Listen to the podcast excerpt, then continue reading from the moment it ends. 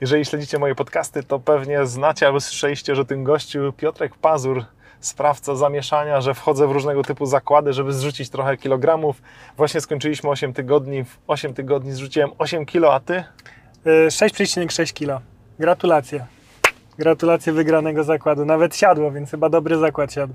Siadło, siadło, ale nie o tym dzisiaj, tylko o nieruchomościach, chociaż to samo, co zastosowaliśmy przy okazji zrzucania wagi, można zastosować w nieruchomościach, pewnie o tym Dokładnie. sobie pogadamy. Co zrobiłeś, co masz na koncie, w jakim czasie?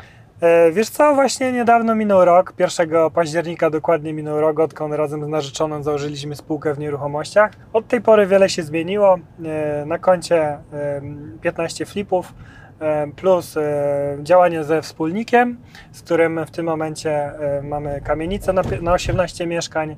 No i tak pokrótce, to tak biznesowo. Jasne, ale skąd myśl, co robiłeś wcześniej, skąd myśl o nieruchomościach i jakim cudem udało Ci się to tak to wszystko szybko ogarnąć? Okej, więc e, przed nieruchomościami byłem 9 lat na etacie, e, z czego 7 lat jako handlowiec. E, no i przed kryzys. Przed kryzys rok 2020 rok. Akurat byłem w branży gastronomii, wyposażyłem restaurację i tak dalej w bardzo fajnej firmie. I w momencie, kiedy przed kryzys, tak na dobrą sprawę, e, ja akurat byłem w trakcie zakupu swojego mieszkania. E, Część środków pożyczyłem od mojego taty, dzisiejszego inwestora, też obecnego. E, No i po prostu stały się dla mnie mniej rentowne. Zauważyłem, że bycie na etacie powoduje to, że mamy pewien szklany sufit. E, Mimo, że lubiłem to, co robię, tak na dobrą sprawę, ale sytuacja, ból tak naprawdę sprawił tym, że zacząłem się zastanawiać nad tym, żeby założyć swój biznes, a ogólnie od początku e, też zawsze dążyłem do tego, żeby być niezależnym, dlatego kupiłem mieszkanie. Myślałem, że jakby bycie handlowcem jest na tyle dość otwarte, że, że tą niezależność w dużej części miałem, natomiast zawsze byłem od kogoś zależny. A jak sam sobie przerobiłem, że tak powiem, siebie, to okazuje się, że niezależność dla mnie to jest jedna z największych wartości, czyli mieć kontrolę nad życiem, a nie dostosowywać się do życia, w którym jesteśmy. Jasne, ale może o tych bólach i o, nie, o zależności i niezależności to sobie pogadamy za chwilę. Okej. Mnie ciekawi, jak to się wszystko zaczęło, że gościu, który sobie, no jakby wyobrażam sobie, nie pracowałem nigdy 9 lat na etacie, ale wyobrażam sobie, że jest to uzależniające. Tak. Jak ten pierwszy krok zrobiłeś? Wiesz- na, I to możesz tak, czy prowadziłeś, naj, czy etat i nieruchomości były równoległe, czy od razu się odciąłeś, jak to wyglądało? Y, Wiesz co, powiem Ci, że ja lubię dość y, mocne działanie, natomiast w tym wypadku podszedłem dość bezpiecznie do tego. To znaczy, y, pamiętam jak dziś, jak em, 1 stycznia po, no, po nowym roku, właściwie w nowy rok, razem z narzeczoną dostaliśmy informację od jej rodziców, że chcą wynająć mieszkanie. I tutaj e, trafiliśmy na filmiki o wynajmie, ale przy okazji o flipach. I to Mhm. dla mnie było takie, jakby, że tak powiem, uwalniające, że zobaczyłem, że można tak na dobrą sprawę w nieruchomościach e, robić tak na dobrą sprawę. Coś, co ja uwielbiam robić, czyli tanio kupować i drogo sprzedawać. Coś, co robiłem w ogóle. Jak już e, widziałem, że w tej gastronomii już tak średnio, że tak powiem, mi idzie, to uświadomiłem sobie, że tak de facto, jakie ja mam kompetencje. I tak, nie byłem ani, mimo że wiedziałem, jak zrobić projekt technologii restauracji, kuchni i tak dalej, to nie mogłem podbić pieczonki, bo nie byłem specjalistą. I zacząłem się zastanawiać, jakie mam kompetencje, i okazuje się, że te kompetencje, które nabyłem jako handlowiec, czyli osoba, która ogarnia wszystko, bo spina klienta, firmę, tak na dobrą sprawę, jest idealna właśnie we flipach. I teraz uważam, że z mojej perspektywy, po 9 latach bycia na etacie i po roku prowadzenia firmy, jedną z najtrudniejszych rzeczy, jaką człowiek musi zrobić, to jest wyjście ze strefy komfortu. I teraz, mimo że jestem zwolennikiem, zwolennikiem dość radykalnego działania, to w tym wypadku podszedłem dość bezpiecznie. To znaczy, w trakcie pracy jeszcze na etacie e, już zacząłem się szkolić e, i no dzięki temu kupiłem swoje dwa pierwsze mieszkania. Zanim w ogóle na szkolenie przyjechałeś. Tak, dlatego, że byłem u Ciebie na konferencji i też to jest zabawne, że ogólnie to, e, wiesz, mówicie bardzo dużo fajnych e, rzeczy, szkolicie na tej konferencji, jest bardzo dużo mięsa, e, natomiast są też prelegenci, którzy występują. Teraz mogę powiedzieć moi dobrzy znajomi. Natomiast z tamtej perspektywy, jak to oglądają, mówię, nie, to jest niemożliwe, to są ludzie podstawieni. Ciekawe ile, ile im kasy płaci za to, żeby tak mówili, nie? A teraz się uśmiecham pod nosem, bo sam występuję, więc to jest takie, taka, taka fajna rzecz. To szybka wstawka. Jeżeli macie ochotę odebrać sobie bilet, to wejdźcie w link poniżej. Mam przygotowaną pulę biletów dla widzów mojego kanału, więc póki jeszcze są, możecie odebrać je za darmo. Link poniżej. A ja wracam do tego. Była ta konferencja, byłeś na niej, prelegenci są na pewno podstawieni. E, Też jakie miałeś pierwsze wrażenia na temat mnie w ogóle? Po, tak powiem, powiem Ci tak, tak na dobrą sprawę konferencja przekonała mnie do tego, żeby pójść do Ciebie na szkolenie, bo Mhm. wiesz jak to jest, jak y, szukasz samochodu, to orientujesz się o tym samochodzie wszystko. Nagle stajemy się ekspertami y, w samochodzie, y, w samochodach, w laptopach i tak dalej. telefonach, nieruchomościach. telefonach, dokładnie. I tak samo było ze szkoleniem. Jak już wiedziałem, że ja w ogóle jak dowiedziałem się, co to są flipy, to ja nie spałem przez dwa dni. Dwie nocy nie mogłem zasnąć, bo poczułem się, jakbym po prostu znalazł cheat do gry. Mówię, jak ludzie, wiedząc to, co ten gość mówi, tego nie robią, nie? E, No i podjarany tym wszystkim wiedziałem, że kolejnym krokiem no, musi być jakieś szkolenie, więc po prostu zrobiłem research. I bardzo dużo wiedzy, i to też jest bardzo ważne, jest po prostu w internecie. Jest darmowa wiedza i tak dalej, ale ona jest do pewnego też momentu. Oczywiście może być wszystko w internecie. Natomiast e, tak na dobrą sprawę, tam wtedy chyba za stówkę kupiłem bilet do Ciebie na konferencję, więc polecam, jak jest taka promocja, żeby być na tym. Sam nieraz oglądam, nie dość, że uczestniczę w tych konferencjach, to też oglądam, bo zawsze też są aktualne jakieś wiadomości. I no po tej konferencji postanowiłem, że, że się zapisuję do Ciebie na szkolenie. No dobra, ale pierwsze wrażenie, jakie zrobiłem na tobie na YouTubie, było jakie? No pierwsze co jak zobaczyłem filmik o flipach, bo byłeś gdzieś tam na takim PRL-owskim mieszkaniu, typowe pod flipa, to y, no wydawałeś się cwaniakiem. Dla mnie wydawałeś się tam cwaniakiem. Byłeś, już teraz wiem, zbyt konkretny i miałem wrażenie, że się trochę wywyższasz. Ale z perspektywy czasu wiem, że po prostu wyciągasz clue z danego tematu. Takie, tak, takie mam przemyślenia po roku znajomości z Tobą.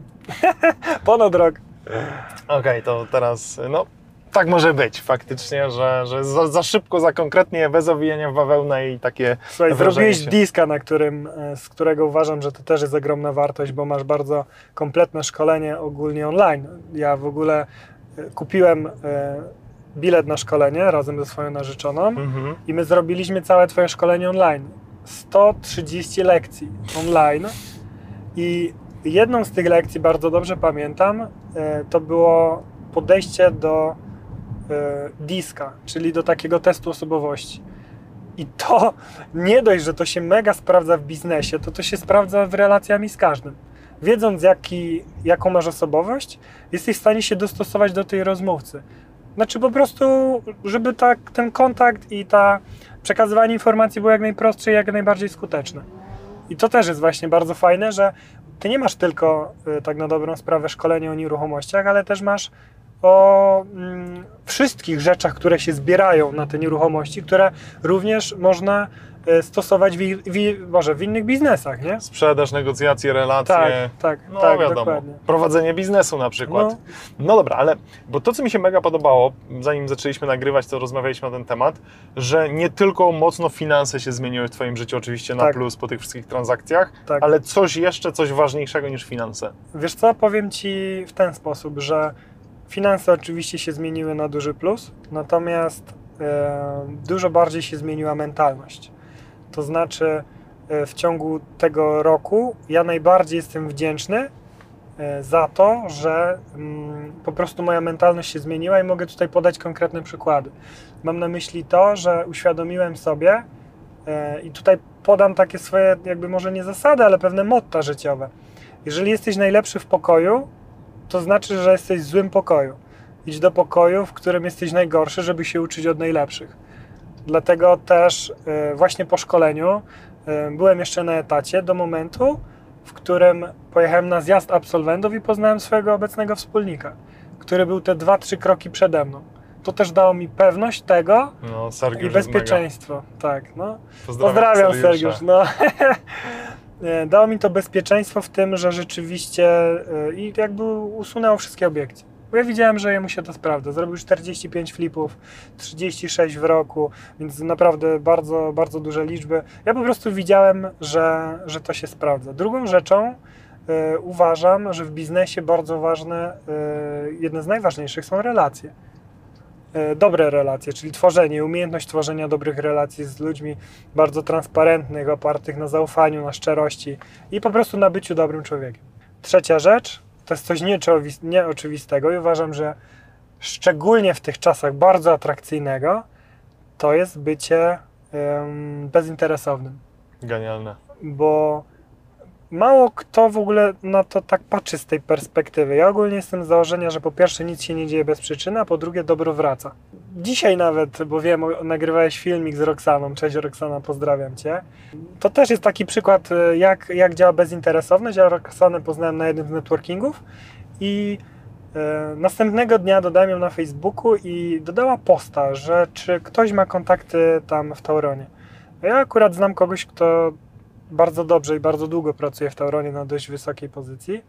E, No i jakby tutaj e, przyspieszyłem tak na dobrą sprawę. Ja robiąc, podając numer jeden, tak na dobrą sprawę robiąc, trwa, trwało to 5 minut, sprawiło, że inwestycja e, miała możliwość nawet nie opóźnienia, ale po prostu mogła się przesunąć w czasie o kilka miesięcy, a tak naprawdę nie przesunęła się o nic, dlatego że ktoś rozwiązał jej problem. I dla mnie to było oczywiste, że ja za to nic nie chcę.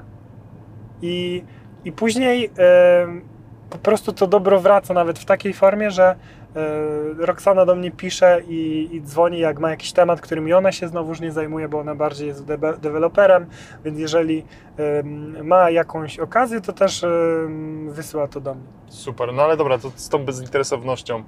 Czy jeżeli ty mam pracować dla innych za darmo, jak to wygląda w praktyce? Jak byś do Nie tego no, podszedł? nie, ja uważam, że em, wszystko ma też swoje granice i ta bezinteresowność też ma swoje granice. Uważam, że jeżeli małym kosztem swojego zaangażowania y, finansowego czy czasowego jesteśmy w stanie komuś rozwiązać problem, jeżeli jesteśmy na to gotowi, to po prostu uważam, że, że warto w to pójść, czyli warto, warto to zrobić. Oczywiście e, wiesz, no w biznesie jest tak, że jeżeli masz gdzieś okazję i chcesz na, chcesz na tym zarobić, bo sam dużo zainwestowałeś czasu w relacje w, albo w finanse, w szkolenie i tak dalej, no to nie wszystko jest za darmo, tak? Natomiast e, bardzo dużo rzeczy możemy zrobić tak na dobrą sprawę z automatu. Połączyć kropki, rozwiązać czyjś problem i, i wtedy się dzieje magia, jeżeli robisz to bezinteresownie. To prawda. A czwarty punkt? E, Czwarty i w ogóle taki mój najważniejszy punkt, to jest też takie naj, najważniejsze motto w moim życiu, to ja to zwizualizuję troszeczkę, że ja podchodzę e, troszeczkę do życia i do biznesu w ten sposób, że, e, że każdy z nas chciałby być milionerem, ale nie chodzi o to, żeby mieć milion na koncie, tylko spójrzmy na tą cyfrę milion. Milion składa się z jedynki i sześciu zer. I teraz jakbym powiedział, że dla mnie jedynka to jest bycie dobrym człowiekiem, nie robienie interesów e, kosztem czyimś. Ogólnie, tak jednym słowem, takie dobre człowieczeństwo. Kolejną cyfrą jest zero. I to zero to może być e, realizacja swojej pasji, kolejnym zerem może być dbanie o relacje i tak dalej, i tak dalej. zdrowie, duchowość i tysiąc tak, innych rzeczy. dokładnie tak. Mhm. I ktoś może mieć nawet 100 milionów w tym przysłowiowym milionie. Ale wystarczy, że straci tą jedynkę i zostają same zera. Mogą być ludzie, którzy mają miliony na koncie, a są nieszczęśliwi. I robią e, biznesy, które są e, po prostu niespójne z moimi wartościami, a też przez to, że przez 9, no 7 lat też em, miałem troszeczkę wpajane do głowy to, żeby nawet z hamem się dogadać, Mhm. to z tej perspektywy już patrzę, że, że nie zgadzam się z tym, dogaduję się z ludźmi z tymi, z którymi chcę się dogadać i którzy mają podobne wartości. A ogólnie e, to, to właśnie tą wizję z tym milionem to też powiedziała mi bardzo mądra osoba, moja siostra, także pozdrawiam. Dla wielu osób nieruchomości, kiedy zaczynają uczyć się budować relacje z ludźmi, to Mhm. zaczynają też rozumieć siebie bardziej. I takim ciekawym wątkiem, który ty też poruszyłeś, e, może byśmy to tak trochę podrążyli, to jest jakby dlaczego, skąd masz tę motywację, skąd dążenie do tej niezależności? Wiesz co, u mnie akurat e, ja sobie to przerobiłem, ja już wiem o tym. Ja mam, e, jestem najmłodszy Mhm. e, w mojej rodzinie. Mam starszego brata, którego też pozdrawiam, bo on był pierwszą osobą, która uwierzyła tak naprawdę we mnie. I to była osoba, która w tamtym momencie pożyczyła mi nawet e, kasę na to, żeby jechać na szkolenie. Także bardzo duży wkład tutaj w ogóle w to, że byłem u ciebie na szkoleniu. No bo wtedy były właśnie takie czasy u mnie. E, Natomiast idąc dalej, była też moja starsza siostra. Ja zawsze dążyłem, zawsze byłem zależny. Zawsze byłem zależny, bo wiesz, nawet miałem jakieś ciuchy po bracie i tak dalej, i tak Majtki? dalej. Majtki niekoniecznie, nie kojarzę, przynajmniej. Chociaż kto wie, trzeba mojego brata zapytać. Może on wie więcej. Może ja nie byłem nawet świadomy. Natomiast i tak na dobrą sprawę stałem się handlowcem, który ma dużo wolności, jest Aha. bardzo niezależny. Wszystko Aha. zależało, jak ja sobie zaplanuję. Ale dalej mi brakowało niezależności, bo nie wiem, mieszkałem z rodzicami. Więc stwierdziłem, że chcę sobie kupić mieszkanie. Zarobiłem po, powiedzmy połowę wartości mieszkania. E, Tata powiedział, że jak tyle zarobię, to e, wtedy mi drugą część pożyczy. No i też dalej chciałem być niezależny, więc miałem w swojej głowie projekt mieszkanie, żeby być dalej niezależnym. Ale jak już kupiłem to mieszkanie, to uświadomiłem sobie, że to mieszkanie to jest właśnie chęć bycia niezależnym, a będąc na etacie zawsze będę zależny. I już wtedy wiedziałem, że chciałbym gdzieś kiedyś otworzyć jakąś firmę. No ale przyszedł 2020 rok, gastronomia się zmieniła, więc był duży ból w związku z brakiem finansów. Yy, No i właśnie przez to, że byłem, miałem taką dużą chęć, no to też yy, myślę, że to była taka bardzo duża motywacja do tego, żeby otworzyć yy, firmę w nieruchomościach. Jaki jest taki mit numer jeden u ludzi, którzy. Jakby, jak u Ciebie to wyglądało? Zanim zacząłeś działać w nieruchomościach, później działasz w nieruchomościach, co się okazało nieprawdą, a co myślałeś, że jest prawdą? Wiesz co, ogólnie najpierw może yy, rozwikłem mit szkolenia. Mhm. Czyli bardzo dużo ludzi myśli, że to jest fata morgana. Okej. Czyli, czyli, że to się nie dzieje. I jest dużo szkoleń takich, które są fata morganą i pewnie dlatego ludzie mają też takie podejście, że to jest coś, co wtopią w to kasę i nigdy tego nie odzyskają, nie? I to też po prostu są tacy ludzie, którzy na tym zarabiają. Natomiast e, i to jest pierwszy mit. E, drugi mit, taki e, myślę, że chyba najbardziej znany w nieruchomościach, to to, że tylko ludzie zamożni mogą działać w nieruchomościach, którzy mają pieniądze i mają nadwyżki albo sobie robią biznes z tego. I tutaj w tym wypadku to jest, myślę, największą barierą, obiekcją, że ktoś nie ma pieniędzy, żeby kupić. No jak to wygląda w praktyce w takim razie? No w praktyce jesteś w grupie osób, która jest po szkoleniu. Są inwestorzy, którzy chcą zainwestować, mają, najwyż, em, mają nadwyżki kapitałów i oni prowadzą swój biznes w różnych branżach, niekoniecznie w nieruchomościach i oni też chcą e, inwestować w branże bezpieczne, takie, w której mogą mieć zabezpieczenie na nieruchomości, E, więc dla nich jest to i bezpieczne i też mogą sobie pomnażać kapitał. Jakie błędy popełniłeś na tej swojej szybkiej, ale udanej karierze? Ojej, no myślę, że w ogóle ja powiem Ci, jakie ja mam podejście do błędów i do sukcesów, czyli do porażek i do sukcesów. Ja ogólnie mam podejście takie, że każdy sukces przyjmować z pokorą, z myślą taką, że jest to efekt Twojej ciężkiej pracy, a każdą porażkę jako doświadczenie, bo każdy z nas próbuje. Żeby raz usłyszeć tak, 10 razy musimy usłyszeć nie. I ym, no, uważam, że jedną z najważniejszych rzeczy jest właśnie to, żeby umieć y, po prostu doceniać porażki, bo ludzie bardzo często się załamują, a trzeba z nich wyciągać wnioski. Y, no więc jednym z takich y, większych błędów było dać za niski zadatek, czyli dałem 2000 zadatku na mieszkanie i spowodowało to to, że ktoś dostał 10 tysięcy większą ofertę, więc mi zwrócił 4000, no i straciłem okazję. A co z tą kamienicą? E, Jeżeli chodzi o kamienicę, no to w tym momencie e, jest w trakcie renowacji. E, To też będzie taki fajny produkt inwestycyjny dla inwestorów pasywnych. No my tam mamy taką koncepcję, żeby ludzie mogą kupić, właśnie będziemy wydzielać mieszkania księgi wieczyste i, i tutaj jest to taki produkt inwestycyjny, czyli każdy w zależności od tego, jakie mieszkanie i ile sobie wybierze, no z 18 już nam zostało 10, więc 8 już zostało sprzedanych że tak powiem, po przedstępnej. Natomiast e, jest to taki produkt biznesowy, czyli my to bierzemy w zarządzanie na 3 lata, bo tak nam się najbardziej opłaca to zrobić.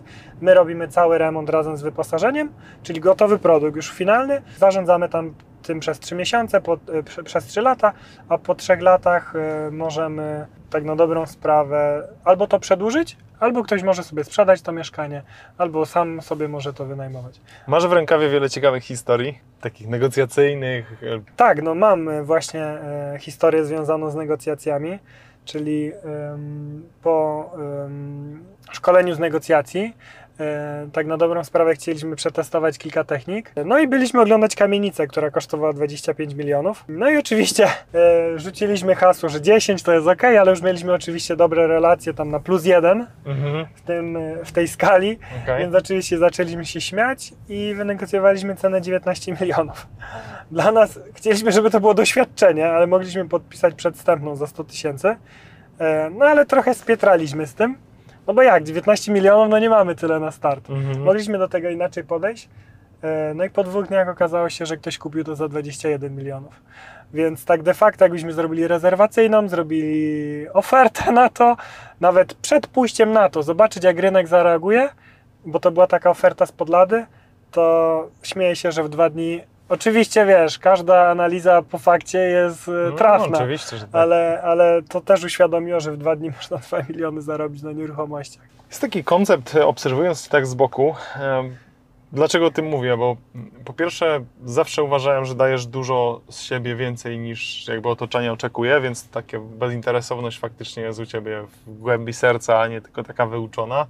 E, Śmieszny przykład, że na szkolenie przyjechałeś za Aeropressem i gdzieś tam kawkę robiłeś w międzyczasie, mimo że kawa była ogólnodostępna, ale też był takie, taki mały niuansik, który zwrócił uwagę. A dwa, że jednak jesteś działaczem takim nawet bardzo upartym, bym tak to powiedział. Szczególnie to widziałem przy tym zakładzie, który zrobiliśmy.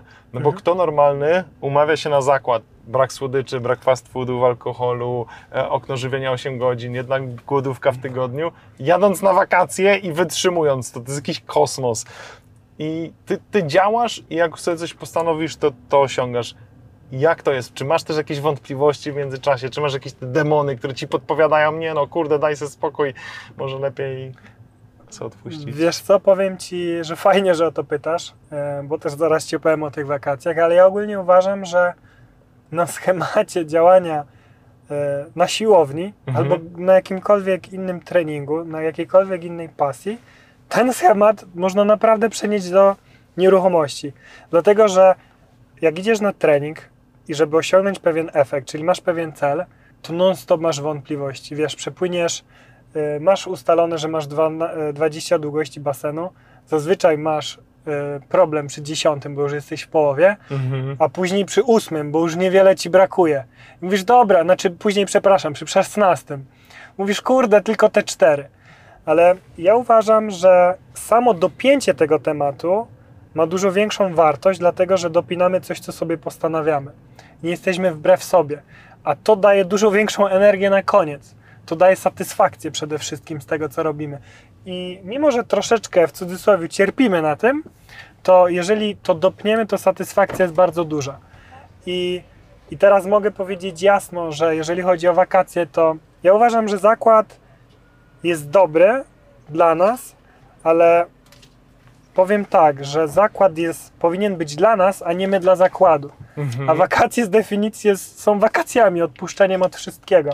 Więc poza e, takim, e, poza działaniem na korzyść naszego zdrowia fizycznego, uważam, że powinniśmy też się wynagradzać e, w postaci tego zdrowia mentalnego, tej świeżości takiej, ja to tak Mhm. nazywam, bo, no bo jednak trzeba do tego wszystkiego podejść ludzko.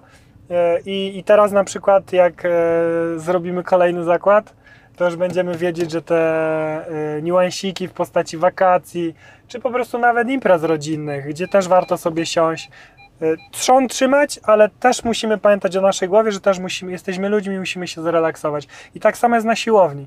Nie ma co się katować pięć razy w tygodniu, jeżeli czujemy, że się źle czujemy, że czujemy, że zaczynamy być chorzy. Też trzeba wiedzieć, kiedy troszeczkę odpuścić i po prostu słuchać siebie. Wniosek na koniec. Działać. Ja Tobie, Piotr, dziękuję. Wam też. Cześć. Cześć.